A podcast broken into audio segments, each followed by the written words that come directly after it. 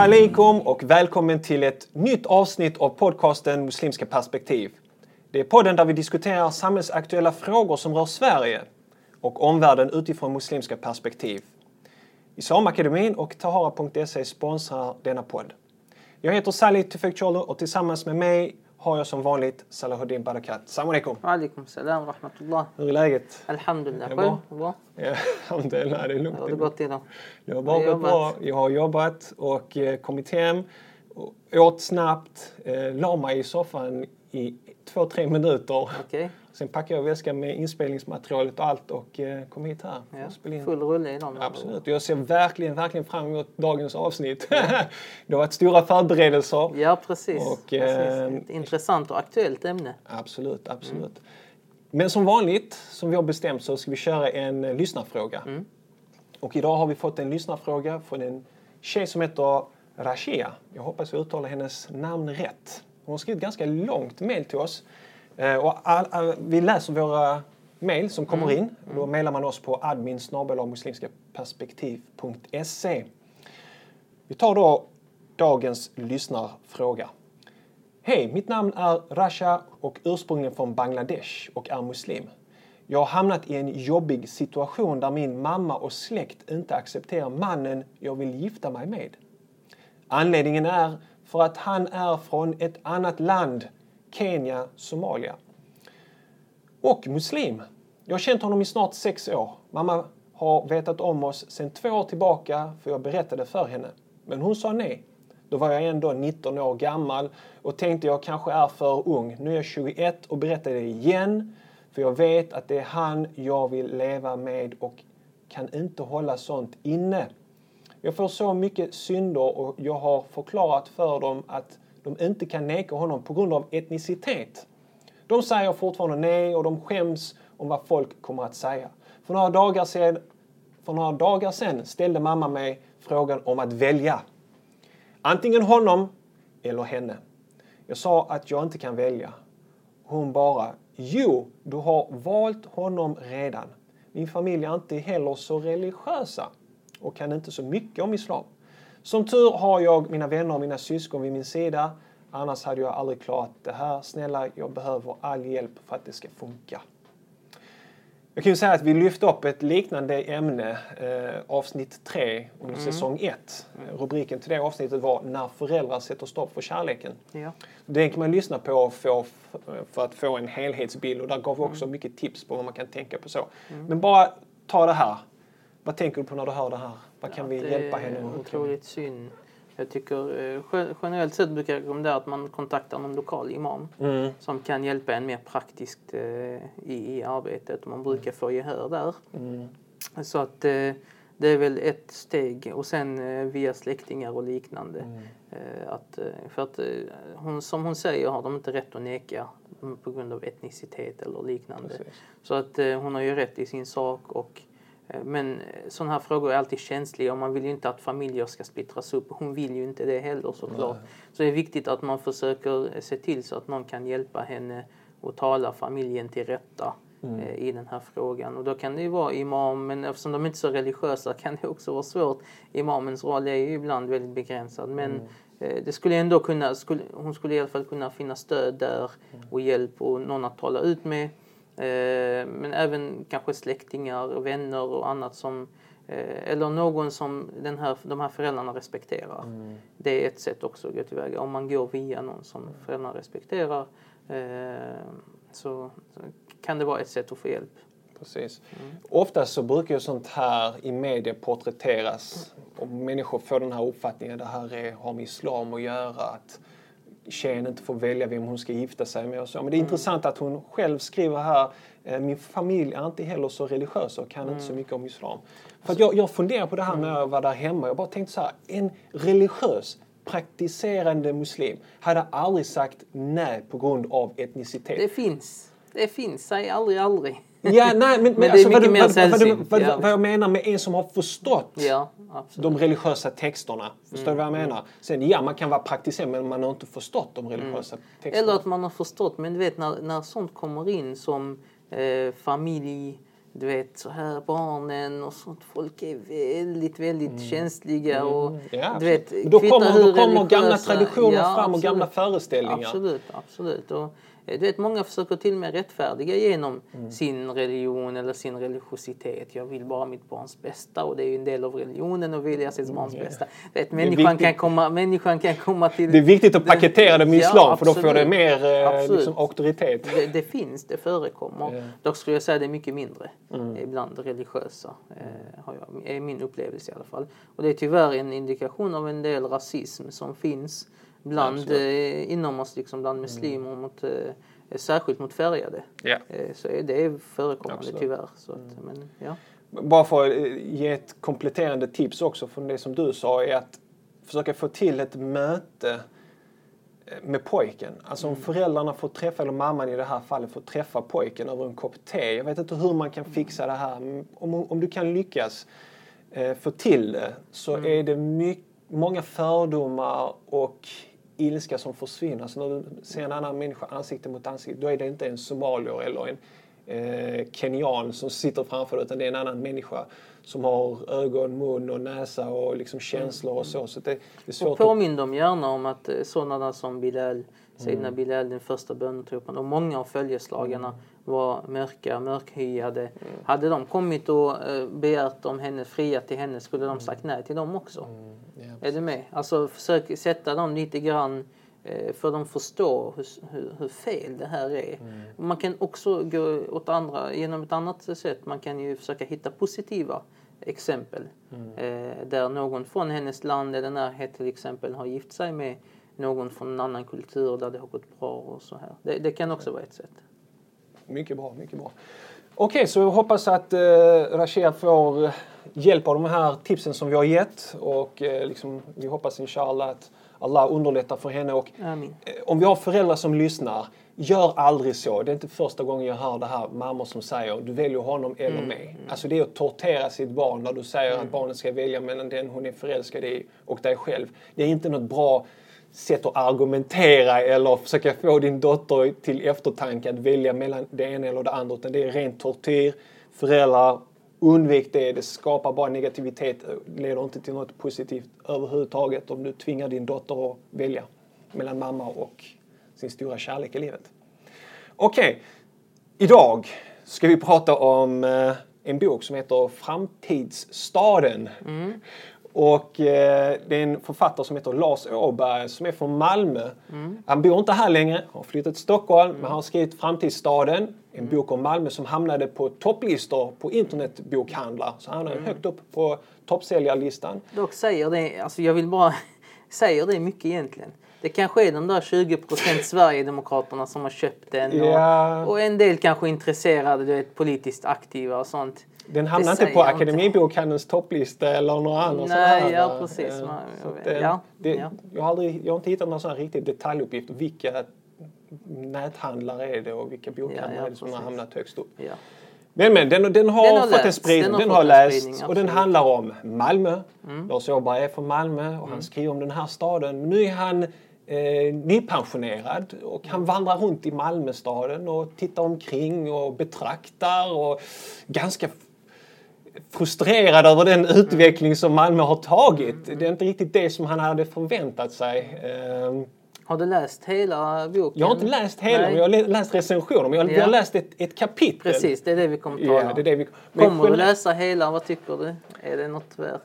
Jo, när jag har läst alla böcker som jag har på min sån här Mm. att läsa-lista så kommer nog framtidsstaden att hamna där. Så förhoppningsvis någon gång i Mm. Jag framtiden. känner så här, utifrån det kapitlet jag har läst så är det rent litterärt.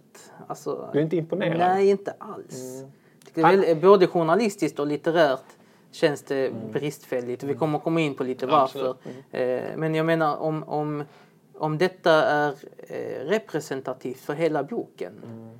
då är det liksom, vad är det man stoppar i sig egentligen? Mm, det känns läser lite alternativ fakta. Du vet, det här, eh, Jag skulle gärna vilja veta vad en medelålders vit svensk nypensionerad man har att säga om Malmö när han går runt och tittar. Ja, liksom. visst, visst, så hänger så du det, med. ja. Det är intressant. eh, utifrån det betraktelseperspektiv. För det är Ja. nog lite annorlunda än hur jag ser på Malmö. Mm, Men eh, vi har valt att fokusera på ett kapitel och eh, ska vi ge lite bakgrunden till varför vi har fokuserat på den Ja, här, det här kapitlet? För att han kontaktade dig medan han skrev boken och ville ha träffa dig och så. Ja, han så ville ju ha en intervju frågor. först och främst. eh, Men eh, du vet hur fullspäckat mitt schema är. Och, Ja, det är flera avsnitt vi har in, inlett här och du har liksom varit i, Ja, ja. Igår var du i London och så. Ja, ja.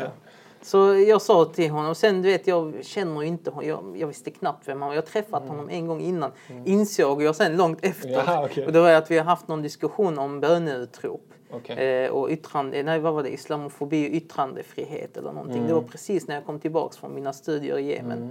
Men jag har helt glömt bort honom. Han är en ganska okänt namn i våra kretsar. Ja, eh, du vet, bland ungdomar och så. Bland vår generation. Men i Sydsvenskan är det en rätt sådana toppnamn. Ja, i syd, men det är en äldre generation. Fråga Ja, en precis. ungdom idag Nej, nej, i nej. Malmö, vem är Lars Åberg? Ingen känner honom.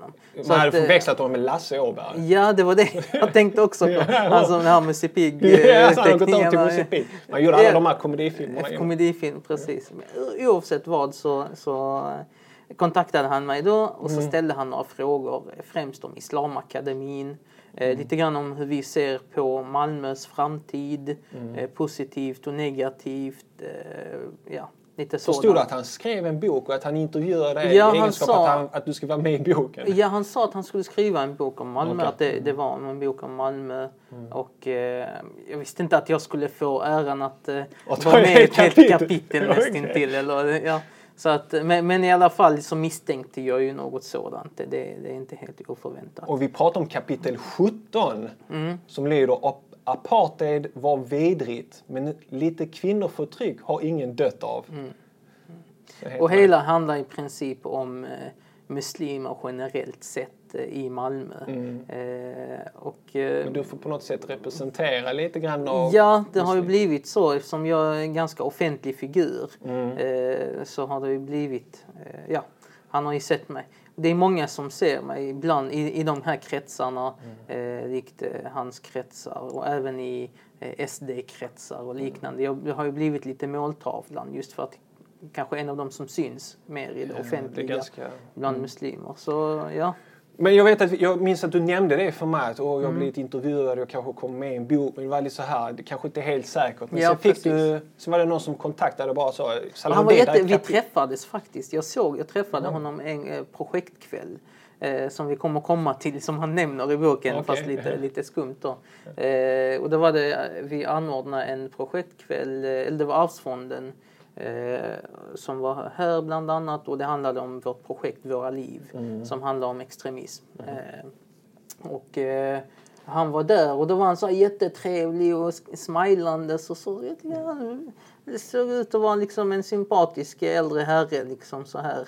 Eh, men eh, ja, sen Han visade skrev inte sig... så sympatiska nej, saker om dig sen. Nej, det visade sig att det var mer av, av en slags teater eller någonting. Jag vet inte. Hur som helst så, ja. Nu har vi läst det här kapitlet, vad han har skrivit i alla fall. Men uh, blir, du, blir du chockad eller så här överraskad att du kom med i boken? Nej, alltså inte överraskad så. Nej, jag är faktiskt inte överraskad. Varken Mm. över innehållet eller boken. Det jag har nu i efterhand sett och läst eh, av, av det han har framfört. Mm. Liksom. När jag kollar på hans idéer så står han ju så här väldigt nära till det jag och du skulle definiera som eh, muslimhatiska eller islamofobiska. Även om jag inte gillar att ge, utdela stämplar så, så står han väldigt nära de kretsarna och, och, och umgås en del i, i de kretsarna. Ja, om man tittar på vilka artiklar han har skrivit också och så. så. Ja. Och Det är, självklart finns ju... Inte allt han säger är dåligt. Eh, Man, Vi måste ge vi rättvisa. Liksom. Ja. Han har några Vi har bara läst ett kapitel så Ja. vi kan liksom inte, Inte eh, döma hela döma boken hela boken. Precis. Men eh, min följdfråga till dig var liksom Mm. när du nämnde det där, men du det är ett helt kapitel om mig. Min följdfråga var liksom, finns jag också med i boken? Mm. för att jag själv hamnade i en bok också för inte så länge sedan av Hanna Gadban Mm. som heter Min Jihad, jakten på liberal islam. Eh, där jag figurerade också, jag fick inte ett helt kapitel men jag var med i några sidor och sådär. Ah, jag vann denna gången. Jag hade, såna, jag hade ju såna rubriker liksom. Extremist, salafit, eh, du vet så här. Hon gav mig en massa såna titlar så det var inte riktigt schysst. Jag tog kontakt med en advokat eh, som inte drev min fråga men den drev en annan kille som hängdes ut i boken och vi fick igenom skadestånd och boken, den upplagan drogs in och så reviderar man så kommer den ut igen. Men eh, det är sånt här eh, sånt läge som vi befinner oss i Sverige idag är att om du är engagerad muslim i det muslimska civilsamhället så kommer du hängas ut i böcker, tidningar och på andra sätt. Ja, så är det tyvärr. Att, eh, Eh, Och det spelar ju lite roll för vad du faktiskt gör och driver för frågor. Utan man försöker ju lokalisera det man tycker är dåligt. Mm. Det man inte håller. Och man får ju inte lov att vara avvikande. Så att det Åberg fokuserar på väldigt mycket är min syn på feminism, jämlikhet, jämställdhet, de frågorna. Mm, Och även det representerar han i boken väldigt onyanserat och snävt. Mm. Men det är väl egentligen den största kritiken han har. Han, de försöker, du vet, de har försökt fiska på mig massa grejer ett Ja, tag nu. det De kan inte inte. inse att det finns faktiskt en muslim här som jobbar för Sverige Ja. vill att människor ska vara det integrerade. går inte i deras värld. Nej, Det de, de, passar inte in i precis, deras idévärld. precis. De vill antingen ska du vara extremist, så här salafistisk extremist, eller så ska du vara liberalistisk, eh, du vet så här eh, fullt ut i hårtopparna och acceptera och du vet. Så, Ja, för mig är det ganska naivt och, och jag vet inte, jag tänker, han är ändå journalist. Mm. Jag blir lite överraskad. Jag är inte överraskad att han har porträtterat mig som han gjort. Mm. Men över att, vad har de för syn på imamer? Vad tror de att jag ska göra egentligen? Mm. Ska jag vara liksom, eh, gå i prideparader? eller eh, För att du ska bli accepterad? Ja, eller ska jag liksom skåla med radikalfeminister på julafton? Eh, Du vet, vad vill de att jag, Mm. Du, för att du, jag på ska något sätt bli... måste du bevisa din Ja. Liberala syn, alltså på något sätt. Ja, vilket jag struntar fullständigt i. Alltså, jag är inte här för att bevisa Mm. Ja, någonting. För jag, jag har ju mina åsikter och visst är de avvikande. Mm. Men det är ju också eh, min rabbinkollega eller min prästkollega eller vem det än är som jag jobbar med. De har också avvikande åsikter. och, och eh, rabbinerna hamnar nog inte i den boken på samma sätt som du Nej, det hamnar. tror jag, nej, precis. precis. Eh, men, men du vet, jag tänkte också, Lars Åberg, vänta nu, jag har nog också träffat honom. Mm. Och sen kommer jag ihåg, jag, vi har suttit i en paneldiskussion, han och jag. Okej. 2009, Andreas Malm, en författare som släppte ut boken Hatet mot muslimerna. Mm. En bok, ganska tung och tjock, så där han systematiskt går igenom islamofobin i samhället och så vidare. Eh, när Andreas Malm släppte ut den här boken så mötte han jättemycket motstånd. Mm. Massa liberala debattörer som liksom kritiserade honom djupt. Han bara skrev en bok som handlar om islamofobi. Mm. Då blev jag inbjuden av Sydsvenskan och Andreas Malm och Lars Åberg var där också och två, tre andra debattörer. Okej. Eh, inkomst i Malmö för att diskutera ja, för att diskutera boken som handlar om islamofobi, hatet mot muslimer. Men det handlade egentligen inte om. Alltså, Det är liksom problematiskt. Man kan inte bara diskutera hatet mot muslimerna. Det finns vissa som förnekar det här. Utan man ska helt plötsligt börja prata om islam. Det är precis som att man kan inte prata om antisemitism. Utan man måste börja prata om judendom. Och du vet, den här, delar av den här debatten är inspelad och finns på Youtube. Den heter Hård debatt i Malmö om islamofobi. Jag tänkte bara spela upp här. Först är det då speakerrösten som presenterar den här debatten från Sydsvenskan. Bara, bara lyssna på hur det låter. Är det okej att kritisera islam? Utsätts muslimer i Malmö för hat och hot? Utsätts muslimer för hat och hot i Malmö? Det är liksom ett sånt ifrågasättande. Mm, ja. Men hade du släppt ut en bok om antisemitism, hade speakerrösten sagt då Finns det hat och hot mot judar i Sverige? Mm. Så ifrågasättande. Alltså judarna får ju uppleva ibland lite Mm. sådant när, när eh, de ifrågasätts gällande deras åsikt om Israel. Ja, det ja. här. Där får de ju uppleva. Men visst Och det är inte schysst. Nej, det är man absolut inte. in Nej, visst, visst. den- Men, men eh, absolut, det, det, för oss är det en standard. Det har blivit en standard. Mm. Precis. Eh, det var bara speakerrösten. Men Mm. Lars Åberg får ju ett... Eh, han, han kommer in här i debatten och ska lyssna på vad eh, Lars Åberg säger i den här debatten då eh, om boken om islamofobi. Det är inte sant att medierna till exempel bara ger en negativ bild av muslimer. Det letas aktivt efter goda historier i medierna och de publiceras också. Det är inte sant att media bara eller endast sprider negativa eh, berättelser om muslimer utan man söker aktivt efter... Vad är dina reflektioner kring För det? det första har väl ingen påstått att det bara är så. Ja, att precis. det bara är negativt. Sen så har vi ju Men faktiskt stora vi delen har av- forskning. Vi har forskning. Ja, men- DOs rapport. Jag rekommenderar Lars Åberg att läsa DOs rapport om porträtterandet av muslimer i media. DO eller SST, jag minns inte vem som, Mm. som tog fram den rapporten. Precis, det finns massor med rapporter som visar om det här hur muslimer porträtteras i media. Menar, det är bara att sätta sig ner och titta på nyhetsrapporterna, Ja. IS och du vet hela den här biten. Och hur många som har sån här eh, problematiserar islam som får medieutrymme Ja, idag. Ett, ett annat exempel är Halal-TV som kom ut 2008. Mm, det finns eh, forskningsarbeten kring diskussionen om halal-TV. Mm. Tre, fyra tjejer som hade ett program där de skulle diskutera mångkulturella eh, frågor. Och hela etablissemanget i, i, i Sverige, liksom medieetablissemanget, ledarsidor som började blogga och problematisera. Du vet, så här. Och, och, och tjejerna fick utstå hot och trakasserier för ett vanligt program. Liksom. Mm. Ja. Så det säger ju ganska mycket. Så det, så det där stämmer inte riktigt, det han säger där. Nej, Vi ska jag- lyssna på mm. mer vad han säger här. Kommunanställda här i Malmö till exempel utbildas i antidiskriminering trots att det inte finns några särskilda belägg för att just de diskriminerar.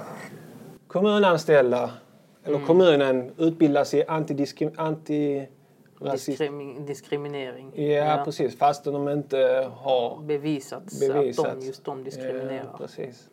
Alltså, så det måste bevisas först. Så vi kan bara utbilda de som diskriminerar i Ja, antidiskriminering. Är det det Ja. han påstår? Ja, det känns lite... Jag, jag tänker på ordet förebyggande arbete. Ja, Hänger du med? Ja, Alltså- alltså jag man- hänger med. Jag vet inte om han hänger med i. Men, Alltså om man, det finns diskriminering mot kvinnor och du vet så här, förtryck mot kvinnor. Ska vi bara bjuda in folk till utbildning och- i kvinnofrågor, bara de som, som har, har diskriminerat. Ja, precis. Ja, Eller ska vi ge alla verktyg att kunna hantera och göra dem upplysta om problemen? Liksom? Ja, ja. Nej, jag tror att vi kan sammanfatta i att säga att, att eh, problematisk syn på att han, eh, att vi kan problematisera, minst sagt problematisera hans syn på eh, och förhållande till muslimer och muslimers utsatthet. Och det är klart färgar ju hans bok säkerligen och hans idéer. Och det I måste man ju debatten- ha med sig eh, när man läser hans bok tror jag. Okej, ska vi läsa lite vad han har skrivit i sin bok? Titta Ja, vad han jag tycker vi kan kolla lite grann. Absolut. Vad fick du för känsla? Jag, jag fick en känsla av, alltså om vi kollar rent litterärt, Mm. alltså, eh, det känns väldigt klottrigt. Kanske är det ordet som jag får fram. Eh, han hoppar fram och tillbaka. Ja. Mm. Väldigt rörigt. Eh, mellan, först talar han om en organisation som inte ens är en muslimsk organisation. Mm. Eh, Spiritus Mundi som har haft någon klassresa till Saudi eller någonting. Som har varit omdiskuterat. Sen hoppar han till Islamakademin och till mig och sen hoppar han till Islamic Center och sen tillbaka till Islamakademin. Ja, sen och sen så hoppar han till Islamic Center som jag inte har någon relation överhuvudtaget till. Mm. Han försöker få Islamic Center till att framstå som extremistiska fast Mm. alla vet att det, så är inte fallet.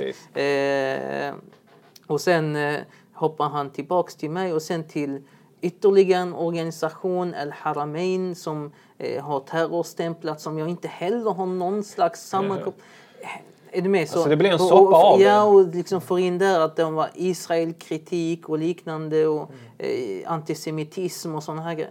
Som jag inte heller har sammankoppling till. Sen kommer han och avslutar med mig igen. Mm. Är du med? Så han hoppar fram och tillbaka. Eh, jag tror det är ett slags ganska manipulativt sätt att skapa en väldigt eh, dålig negativ kontext Mm, för en person Ja. som nämns i namn, eh, som är då jag. Mm, eh, medans, och när han talar om mig så är den främsta kritiken eh, det, ja, kvinnofrågor, synen på jämlikhet och jämställdhet och så vidare. Mm. Jag kan också tycka att det är väldigt onyanserat. Mm. Jag menar, ingenstans nämner han mitt arbete mot antisemitism Mm, precis. Eh, för eh, samarbete med judarna både i Malmö och för att stärka deras eh, position. Precis, och din goda relation med... Precis, som jag jobbar väldigt öppet och aktivt med. Det är ingenting som är andra. dolt liksom. Precis. Det nämns Överhuvudtaget inte. Eh, arbetet även för kvinnofrågor, att jag har skrivit offentliga artiklar mot vissa moskéer som har låst ut kvinnor från att undervisa där.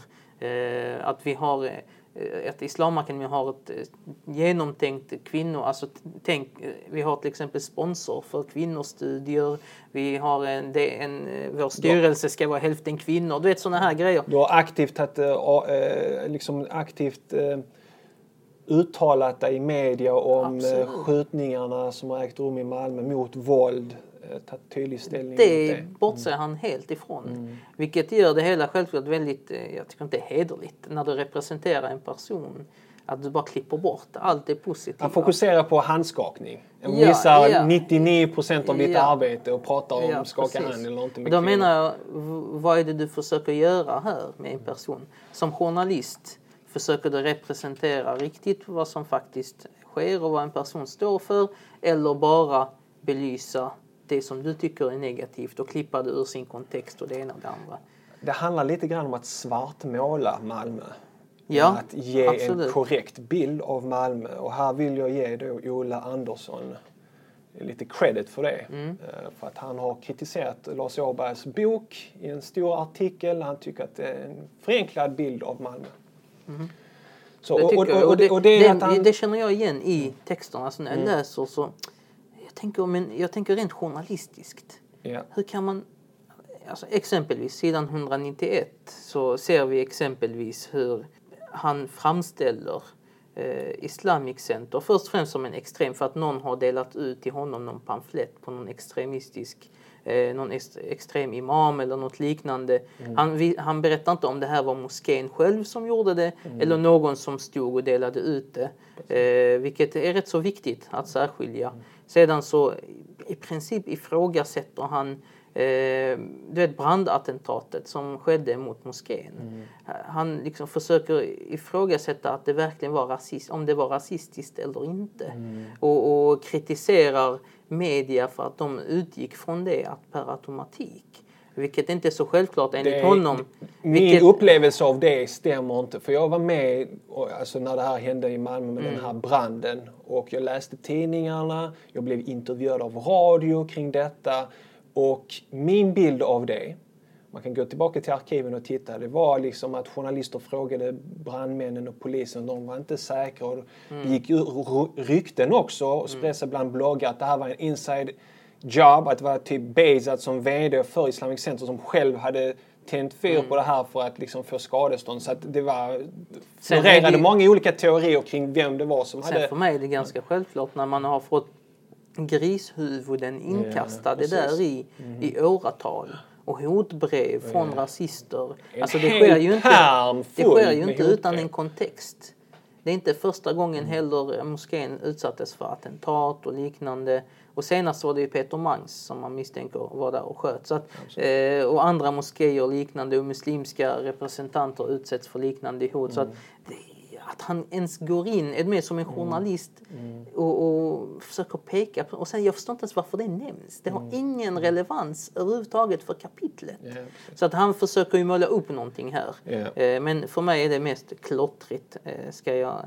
Sen en, en annan kul sak han nämner upp, eh, på, nämner och tar fram på eh, sidan 194, är att han menar att media ska ha någon slags eh, eh, ja, vad ska man säga, dubbla måttstockar säger han ju, eh, i att behandla muslimer. De kommer undan mycket lättare. Ja, precis. Både politiker, det var politiker tror jag han menade där, eh, att, att eh, när det handlar om kvinnofrågor och liknande. Mm. För mig så ser det väldigt, eh, alltså jag tycker det är främmande. Mm. Eh, man kritiserar muslimer eh, och så fort det kommer en imam Precis. till Sverige som man tycker är, vars åsikter är avvikande, Kontroversiella. kontroversiella, då är detta i medier direkt och så vidare. Eh, Medan hela det politiska etablissemanget var där och stod i och, och när liksom tog emot påven när han kom. Ja, det var, det var inga sagt många problem. kontroversiella Precis, saker och, också. och, och spendera tusentals kronor på det. Vilket jag inte tycker är ett problem Nej, i nej, sig. Men, precis. men det- det här med dubbla måttstockar, jag vet inte riktigt om, om eh, det, det är helt korrekt. Utan jag vet inte. Alltså, det- Kapitlet det- är ganska intetsägande måste jag säga. Ja, jag, jag Kapitlet är ganska, jag vet inte. Alltså det som jag läste, som jag reagerade på faktiskt eh, det var sidan 189 där han säger så här. Han pratar om muslimska föreningar och så. Sen säger han så här. Gemensamt för dessa, alltså muslimska föreningar, är att de är är att de skickligt lärt sig att utnyttja olika bidragssystem. Mm. Och det här är det här med att utnyttja bidrag Mm. och de här eh, stereotypa bilden som finns av muslimer och invandrare så att de lever på bidrag och de har Mm. lärt sig att utnyttja det här bidragssystemet. Mm. Men eh, jag tänker så här, om jag, om jag kunde prata med Lars Mm. Åberg. Lars Åberg, vi lever i Sverige. Det är vår demokratiska rättighet när vi betalar skatt att kunna söka de här olika bidragen från olika fonder. Vill att jag ska hämta pengar från Saudiarabien istället? Det kommer ju också... Eller jag hur? Vad ska jag göra? Ja, Snälla, jag betalar skatt. Och vi har de här fonderna. Vem som helst kan söka de här. Och sen finns det böcker. Man kan gå till biblioteket. Hur du söker projektpengar och bidragspengar. och Så. Alla När vi föreningar och söker, då organisationer heter det söker. att utnyttja. Precis. Eh, när andra söker, då är det, man använder sig av de medel som finns och Ja. delaktig. Det kallas för, då är man delaktig i, I samhället. samhället. Och det är, för mig, om ni vill stänga ner allt för civilsamhället, ja, Mm. stäng ner all, alla bidrag till civilsamhället. Och sen, det hade varit jätteintressant att se hur många bidrag ges till muslimska, hur mycket som ges till muslimska organisationer. Ja. Jämför det sen med andra föreningar, Minoriteter och- minoriteter och majoritet och allt vad det heter. Jämför och se hur mycket verkligen. Det hade varit en intressant Mm. forskning för någon, någon att åta sig och göra faktiskt. En annan sak som jag reagerade på var att han nämner ju olika person, muslimska personligheter i Malmö. Eh, Bezat bland annat och, och andra. Eh, som, som typ den gamla generationen. de, var liksom, bru- de gamla var mer brutala i sin liksom, så här ehm, eh, hat och så här. eh, Men, men åh, nu har Salahuddin Barakat kommit med en ny... Ja, han formulerade det som så här, sedan 192. Salahuddin Barakat framträder ofta som islams nya ansikte i kontakter med det kommunala Malmö. Så nu har man tagit ett nytt ansikte, eh, mer fräscht, man har gjort om i kontakter med kommunala Malmö. Liksom. Ja, ja, alltså det ger den här... Ja. Och istället för att säga, men okej, här har vi muslimer som vill engagera sig, Mm. som vill vara delaktiga, som vill integreras. Ja, de vill inte assimileras, Mm. absolut inte, men de vill integreras. De vill vara en del av Malmö, kämpa för Malmö tillsammans med andra malmöiter. Mm. Men nej, det får vi inte heller vara. Men jag tycker det är väldigt konstigt att säga att Salahuddin Barakat framträder ofta som islams nya ansikte. Mm. Jo, men han menar, ja, han menar då att eh, jag representerar islam och Islams så här. nya ansikte. Jag har lite Samtidigt- problem ja. med den formuleringen. Alltså. Ja, visst. Vad ska man säga? Jag, Det är precis som, man, som, som en rabbin eller en hindu. Han, han representerar, han är hinduismens nya ansikte. Hinduismens, ja, ja. För, för, varför, jag, varför jag tycker det här är problematiskt, det är för det som han skriver på slutet om dig också. Det är ju liksom det här Precis. att, att du kan byta skepnad. Du kan ha en viss åsikt här och sen när du vill ha lite pengar så kan du göra någonting annat. Ah, det är Precis. väldigt eh, osmakligt skrivet, men vi kommer till det. Men Ja. har du något du tänkte lyfta fram innan vi kommer till den Alltså, avslutande det finns ju jättemycket, men jag, jag tycker det är... Man skulle kunna... Sam, det, det är väldigt klottrigt, Mm. onyanserat. Eh, och ja, jag är inte förvånad som sagt. Jag Mm. är inte förvånad. Eh, inte så relevant heller för den delen. Folk som ser vårt arbete vet ju hur vi arbetar, vad vi arbetar för. Jag tror det är viktigt för oss att inte bli provocerade av sådant. Ja. Det är viktigt också att ta lärdom och se hur vi kan arbeta i ett sådant klimat. För det lär inte bli mindre sådant utan det blir bara mer utav Och det. det, och det som jag blev förvånad också, liksom när, när vi hängs ut på olika Mm. sätt. Jag hängs ut, du hängs ut på bloggar och överallt på nätet och i böcker och så. Och det, det som jag slås av och som jag känner mig stolt över, det är att varje gång de hänger ut oss så är det inte Sally har sagt det här. Mm. Vet, jag, det finns liksom timtals av, för, timtals av föreläsningar av mig på nätet. De skulle ju kunna hitta alla de här grejerna som de påstår att jag står för. ja, och bara visa, Sally är så här, så här, titta vad han sa här, titta vad han sa här, titta vad han sa här. Men det är aldrig så. Utan det är bara Sally, han är så, han Mm. var på den här träffen där den där personen var där också. Därför är de Mm. kopplade.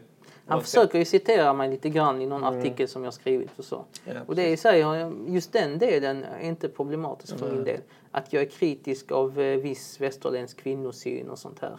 Det står jag för absolut och, och tycker att eh, vi har, det finns mycket att diskutera på den punkten. Och där är jag, har jag vissa punkter som jag är överens med en del feminister eh, och vissa punkter där vi har meningsskiljaktighet. Tycker det är en viktig del av en sund samhällsdebatt. Att jag ska vara en ja-sägare och, och nicka till allting som andra säger är väl inte vettigt.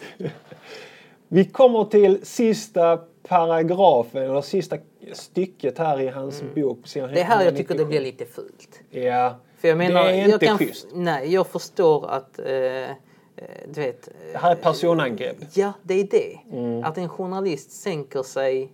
Eh, jag vet inte om det är dålig journalistik Mm. eller om det bara är ett ohederligt liksom, personangrepp eh, som han försöker göra här. Men det är väldigt fult. Absolut. jag. Så vad är det han gör? Han skriver så här. Eh, vid en projektträff i Malmö med Allmänna arvsfonden 2016 eh, tycktes Barakat hålla fast vid sina principer när han vägrade att ta emot den utsträckta handen från en av de närvarande kvinnorna. Men det visade sig också att vissa saker kan vara förhandlingsbara. Någon minut senare valde han att skaka hand med en kvinnlig handläggare från projektfinansiären Arvsfonden. Ja. Så det är liksom ibland står du för dina principer och sen när det är någon kvinnlig handläggare från projektfinansiären Som har pengar, som ja, har pengarna och sånt, då glömmer du dina principer. Då sträcker du ut din hand. Det är lite den här stereotypa bilden av juden under andra världskriget som ville ha pengar, pengapåsen. Kommer du Mm. Ja, ihåg? ja, som levde på, på tyskarna, hederliga tyskar. Så var det den här juden som bad om pengar, pengar, Mm. eh, eh, pengagalen. Och så. Det är samma stereotypa bild som kommer här tillbaka här. grann. Ja. Vill du berätta, vad är det som hände här? Ja, absolut. Det, här, eh, vi, det var ju det här projektmötet, projektträffen där vi... Där han du träffade var- honom, där där han var jätteglad. honom, där han deltog. Så antagligen har han sett det här själv eller att någon har berättat för honom. Oavsett så... Tydligen är det att någon har berättat det för Ja, honom. det för jag, för- jag ringde och, och till Lars Ja. Åberg och frågade om det här. Ja. Och då sa han att det är någon som har berättat det här för honom. Okej. Och då frågade jag honom, ja och eh, vill du berätta vem det är? För Salahuddin säger att han inte har. Och sådär. Nej, ah, men det vill han inte gå in på. Nej, nej. Ja. Vill du berätta vad så, som hände? Så vad var det som verkligen hände? Det är ju att eh, för det första, jag har ju inte skakat hand med någon handläggare från Arvsfonden. De känner till eh, min, min, eh, att jag inte, mitt praktiserande och hur jag förhåller mig oavsett om det är Arvsfonden eller någon annan eh, projektfinansiär. Särskilt i de offentliga uppdragen så är jag ganska noggrann med det. För att jag är ju ändå där som en slags representant för en organisation och för eh, även för islam och muslimer till en viss del i alla fall. Så att eh, jag är väldigt noggrann med det. Men du vet inom min rättsskola, alltså Hanafiskolan, så är det så att är personen mycket äldre, alltså i ålder av din mormor eller liknande, din mamma och så här, så eh, finns det en viss dispens.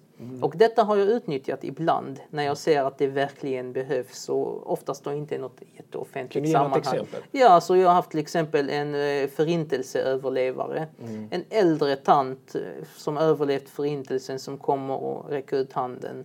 Så har jag skakat hennes hand. Religion ger Eh, dispens där. Ja, precis. Jag har också läst att vissa lärde sig att eh, kvinnor som kom, kommit upp i den åldern inte behöver ha slöja på sig. Ja, det finns lättnader i alla Ja, fall. Det finns liksom, det märker man i just de här frågorna. Och, Mm. eh, hur som helst så var det det som hände. Det var en kollega, i Mm. pro- hans gamla mamma, som sträckte fram handen. Så det var inte någon projektfinansiär från Arvsfonden? inte överhuvudtaget, inte Nej. ens i närheten. Okej. Eh, utan eh, det var hans mamma och jag känner och har intygat och jag ringde och frågade du var där och du såg det här? Ja absolut. Så att eh, antingen har han eh, haft dålig eh, journalistik och inte Källa. kollat upp saker ordentligt. Eh, eller så har han gjort detta avsiktligt. Eh, oavsett så lägger han fram det som ett slags eh, försöka eh, underminera Ja, min, min genuitet eller precis. att jag är ute efter pengar. Eh, Just det här med pengar, du vet. Vi fick just det här projektet som vi har varit med i våra liv.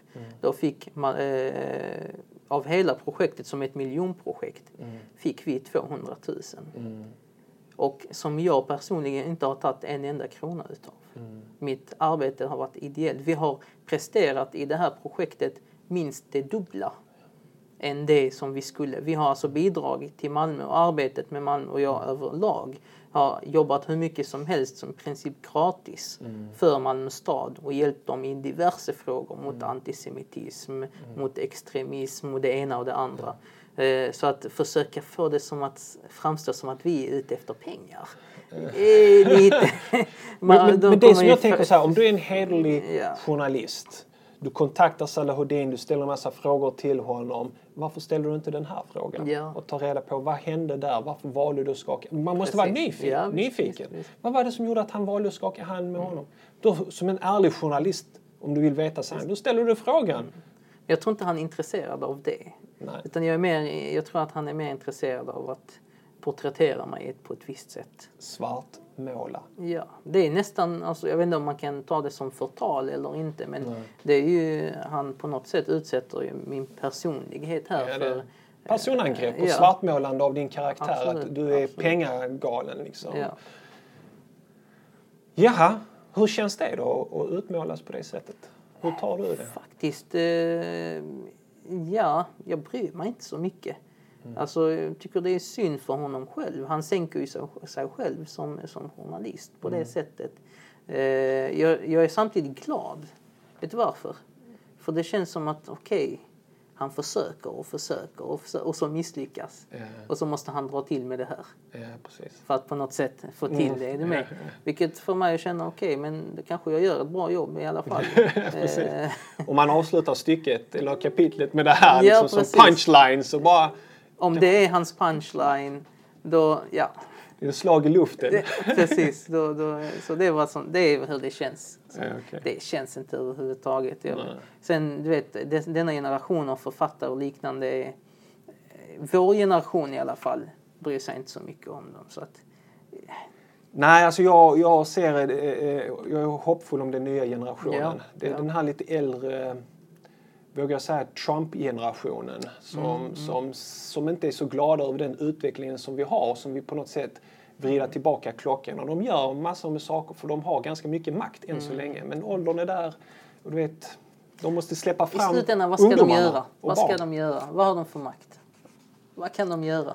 Vi är kvar. Muslimerna är kvar. Ja. Vi håller fortfarande kvar vid vår kultur, våra traditioner, vår religion. Och vad ska hända? Ja, precis.